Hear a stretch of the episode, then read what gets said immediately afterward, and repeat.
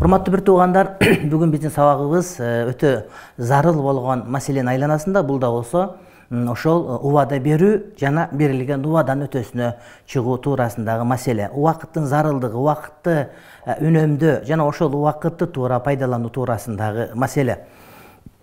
Аллах таала курани каримде ниса сүрөсүнүн жүз үчүнчү аятында айтат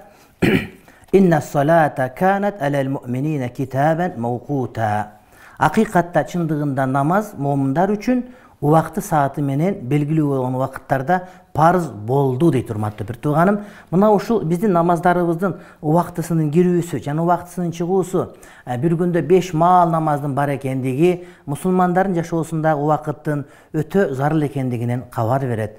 Эч бир нерсе эч качан кеч калбаш керек өз убагында болуш керек. Жана бир кайсыл убакытка биз убада бере турган болсок ошол убада сөзсүз түрдө аткарылышы керек деген маани. Убакыт кылыч сыяктуу эгерде сен убакытты кеспесең убакыт сени кесип кетет деген сөздүн төркүнү мына ушул жерден даана бажырая көрүнөт. Албетте намаз момундарга убакты сааты менен парыз кылынды. Каалаган убакта эле жыгылып тура бербейбиз балким өтө мындай бир дыкаттык менен айтылынган намаздын убактылары баарыбызга белгилүү. Андан сырткары э, курани каримдеги мариям сүрөсүнүн элүү төртүнчү аятында кудай таалам айтат фил китаби исмаила иннаху кана садикал вади ва кана расулан набия курани каримде дейт эстеңиз сен дейт. Эй мухаммад исмаил пайгамбарды биз айттык ал убадага чын турган. Убадага чынчыл болгон адам эле жана бизге биз жиберген э, пайгамбар жана элчи эле дейт исмаил пайгамбардын э, өзгөчөлүктөрүнүн бири катарында э, садикал вад ал убада берсе убадага турган адам катарында баяндалат. Деги эле убадага туруу айтылган сөздүн өтөсүнө чыгуу пайгамбарлардын пайгамбарчылыгынын бир э, жошолуу белгиси катарында белгилүү ошондуктан исмаил пайгамбар эгерде бир нерсени убада берсе аны сөзсүз түрдө аткарчу деген сөз дагы ошол себептен биздин тарых китептеринде байма бай айтылып калынган. Аллах таала маида сүрөсүнүн биринчи аятында алгачкы аятында о момундар ыйман келтиргендер өздөрүн чыныгы мусулманмын деп көкүрөк эле басып жүргөндөр силер дейт укут келишимдериңердин э, өтөөсүнө чыккыла. Эгерде убада берсеңер э, келишим кылсаңар анда ошол келишимдин өтөөсүнө чыккыла ушул келишимди аткаргыла деп айтса э, исра сүрөсүнүн отуз төртүнчү аятында кудай таалам айтат убадаңарды аткаргыла. Убаданын өтөөсүнө чыккыла албетте убада кыяматта суралат дейт. Демек кимдир бирөөгө убада берген болсок бизден убада сурайбы сурабайбы айткан болсок бул депутатка кетип атканда мен ушундай иштерди аткарам деп депутат боло тургандар болобу же бир чоң бийликке келгендер болобу э, же бир эки адамга башчы болуп бригадир болгондор болобу айтор убада берген болсо же болбосо ата баласын убада береби эне кызын убада береби же жубайлар бири бирине убада береби кандай убада берилсе ошол убаданын төркүнүнө чыккыла кыяматка барганда убада силерден сөзсүз түрдө суралат деди. Аллах таала саф сүрөсүнүн экинчи жана үчүнчү аяттарында айтат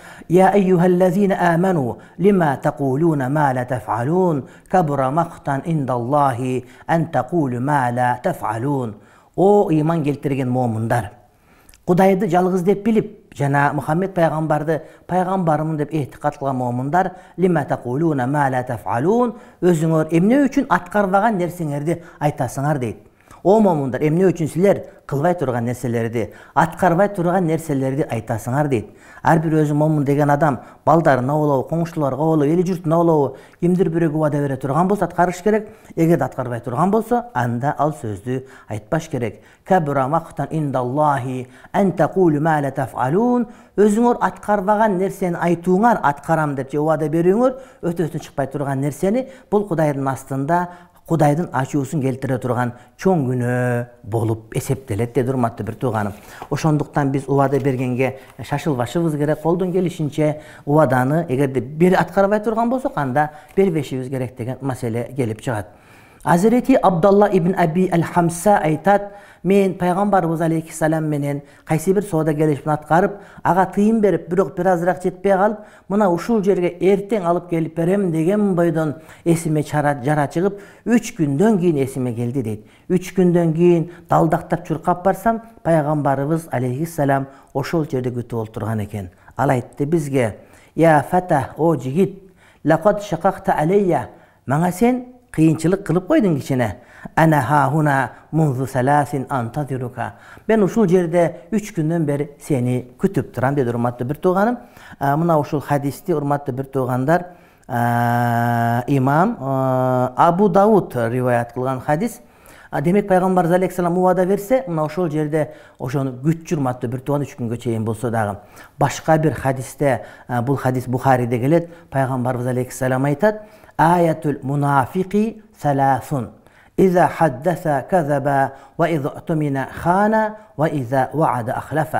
мунафык эки жүздүү адамдын белгиси үчөө дейт эгер сүйлөсө жалган сүйлөйт. Эгерде аманатка тургузулса кыянат кылат. Эгерде убада берсе убаданын өтөөсүнө чыкпайт. Балким тетириш кылат деди. Мунафык урматтуу бир тууганым адамдар үчкө бөлүнөт. Бир тараптагылар мусулмандар бейишке бара турган. Экинчиси мусулман эмес капырлар тозокко түшө турган. Үчүнчүсү сырты мусулман ичи мусулман эмес болгондор. Булар мунафык деп айтабыз эки жүздүү лицемерлер. Булар деген тозоктун төрүндө болот.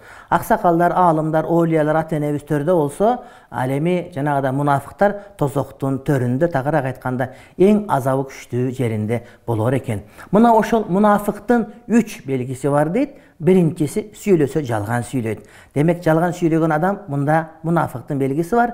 Экинчиси ага аманат ишенилип берилсе ал кыянат кылат дейт. Сага берилген жумуш аманат эгерде сен министр болуп иштеп туруп ошол иштеген ишиңде туугандарыңды мисалы үчүн таможняга коюп же болбосо жанагыдай бир э, парыла турган жерлерге коюп туруп ошону жок кылгысы келгендерди сен иштен кетирип өзүңдүн таанышыңды коюп классташыңды коюп ошону менен сен пайда көрө турган болсоң сен кыянатчылык кылган болуп эсептелесиң. Эгерде сен мугалим болсоң сага бөлүнгөн кырк беш мүнөттө бөлүнгөн программаны толук окутпастан аны муну сүйлөп анекдот айтып олтуруп балдарды урушуп олтуруп антип минтип отуруп өткөзсөң сен дагы кыянатчылык кылган болосуң эгерде сага радиодо сүйлөөгө мүмкүнчүлүк берилсе ошол мөөнөттү туура пайдаланбастан аны муну тегерет олтура бере турган болсоң сен дагы ошого кыянатчылык кылган болосуң эгерде сага муфтийлик аманат бериле турган болсо ошол аманатты туура аткарбай турган болсоң кыяматта сен дагы ошол нерсеге жооп бересиң сенин кудайыңдын айткан шариятын аткарбай турган болсоң анда кудайдын сага бере турган ачуу азабы бар деген сөз эгерде аманат жүктөлсө ошого кыянат кылса бул адам дагы эки жүздүүнүн сыпаты бар үчүнчүсү эгерде убада берсе убадасына каршы чыгат аткарбайт деген маани. Ошондуктан убадага туруу урматтуу бир тууганым чыныгы мусулманчылыктын милдети жубайларыбызга ата энебизге балдарыбызга убада бергенде аткарыш керек. Эгерде балдарга убада берип аткарууга аракет кыла турган болсок мына ошондо урматтуу бир туугандар биздин убада бергендигибиз өтөөсүнө чыгат дагы балдарыбыз ошол нерсени аткарганга сөзсүз түрдө иншалла. Аракет кылат. Урматтуу бир туугандарым андан сырткары мына ушул эки жүздүүлүк боюнча азирети абу суфьян э, деген адам өткөн. Бул мусулман болгон кийинчерээк бирок башында мусулман эмес болуп анан бул адам э, рим империясы тарапка барганда хиракл э, ошол жерде геракл деген падыша келип туруп мухаммад деген пайгамбар болумуш чыгыптыр ошол пайгамбар деп аткан кандай адам ошол жөнүндө сүйлөп бер дегенде абу суфьян айтып берет анан тиги хиракл угуп бүтүп андан кийин ошол геракл мынтип жооп берген дейт فزعمت أنه أمركم بالصلاة والصدق والعفاف والوفاء بالأهد وأداء الأمانة قال وهذه صفات نبي ey абу суфьян сен мусулман эмес экенсиң бирок мен сенден ошол пайгамбар болуп атам деген мухаммед жөнүндө сураганда мен айттым силерге ал эмнени буйруйт дегенде сен айттың ал силерди бизди намазга буйруйт чын сүйлөгөнгө буйруйт ала житип аттабаганга зына иш кылбаганга буйруйт Убадага турганды буйруйт аманатты жеткиргенди буйруйт деп айттың дегенде мына ушул пайгамбардын сыпаты деп мен сага жооп берет элем дейт. Демек урматтуу бир абу суфьян капыр болсо дагы жалган айткандан тартынып пайгамбар жөнүндө акыйкат сөз айткан ошол акыйкат сөздүн өзү мына ошол ичинде ошол жана убадага туруу деген сөз бар экен. Демек урматтуу бир туугандар берген убадаларыбыз айткан сөздөрүбүздү биз дайыма жазып алышыбыз керек дагы өтөөсүнө чыкканга аракет сөзсүз түрдө кылышыбыз керек. Азирети э, имам наваи кутбу заманихи дейт замандын э, мындай бир эң атактуу аалым айтат قد أجمع العلماء على أن من وعد إنسانا شيئا ليس بمنهي عنه فينبغي له أن يفي بوعده уламалар ижма кылышты. Эгерде бир адам убада берсе ошол аткарыла турган нерсе шариятка каршы келбей турган болсо аткарылуусу милдет деп баа беришти. Туура кээ бир адамдар өлүп атканда айтат балам мен өлүп атам мен түндүктү түрө жедим түштүктү кыра жедим мен өлгөндө он жылкы сой жыйырма кой сой анан мага деген эстелик кой десе анын көңүлү ток болсун ата өлө бериңиз рахмат ошондой кылам деп туруп а бирок шариятка каршы келген үчүн ушул убадалар аткарылбайт урматтуу бир тууганым. Эгерде бирөө убада берип кийинчерээк берилген убада шариятка туура эмес келе турган болсо бул аткарылбайт бирок шариятка каршы келбей турган же шарият колдой турган нерсе болсо аны аткаруу шарият боюнча милдеттүү урматтуу бир туугандар болуп эсептелет. Бул абдурахман ибн абза деген э, улук инсан айтат. Булар сахабилердин бири урматтуу бир тууганым азирети алинин убагында азирети алинин харасанга жиберген амири болгон.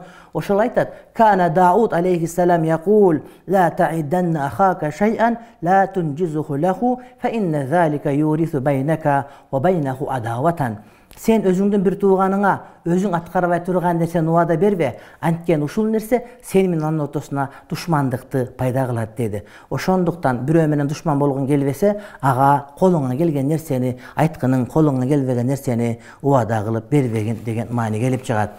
Ошондой эле сөз амр ибнул харис деген улуу инсандардын бири бул урматтуу бир туугандар өзү маданийлик анан кийинчерээк ошол мысырга барып туруп калган улуу аалымдарыбыздын бири ошол айтат илгерки өткөн заманда адамдар ушундай адамдар эле алар аткарышат эле бирок сүйлөшпөйт эле дейт. Андан кийин айта турган дагы болушту. Сүйлөй турган дагы болушту андан кийин сүйлөй турган болушту бирок аткарбай турган болушту. Андан кийин айтпай дагы турган болушту сүйлөбөй дагы турган болушту бул деген сөз биринчи адамдар жакшылык иштерди аткарышат эле бирок аны айтпайт эле деген сөз. Кийин жакшылык иштерди айтып дагы аткарып дагы башташты андан кийин адамдар жакшылык кылып айтып башташты бирок кылбай башташты. Барып барып туруп жакшылык иштерди аткарбай дагы калышты айтпай дагы калышты урматтуу бир тууганым